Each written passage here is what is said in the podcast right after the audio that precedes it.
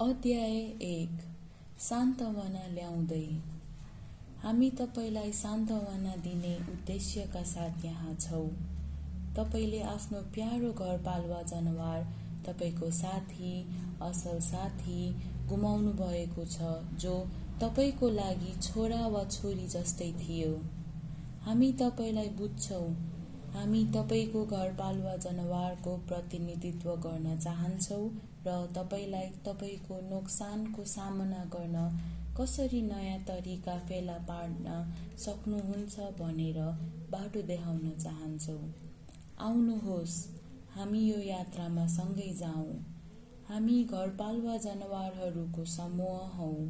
तपाईँसँग कुरा गर्दै या त प्रत्यक्ष वा जनावर सञ्चारकर्मीको सहयोगले तपाईँलाई तपाईँको घरपालुवा जनावरसँग पुनः बोल्न प्रोत्साहित गर्छौँ। हाम्रो लागि मृत्यु भन्ने चिज हुँदैन। हामी जीवनलाई एक निरन्तरताको रूपमा हेर्छौँ र जसमा पार गर्न भनेको समावेश छ। हामी आँखाले नदेखिने भए पनि तपाईँको जस्तो हाम्रो आत्मा जीवित छ। हामी तपाईँलाई यो सत्य हो भन्ने विचार मनोरञ्जन गर्न प्रोत्साहित गर्छौँ। यस तरिकाले हामी सञ्चार गर्न सक्षम हुनेछौँ र आशा छ कि तपाईँको मनले उपचार पाउन सक्नेछ।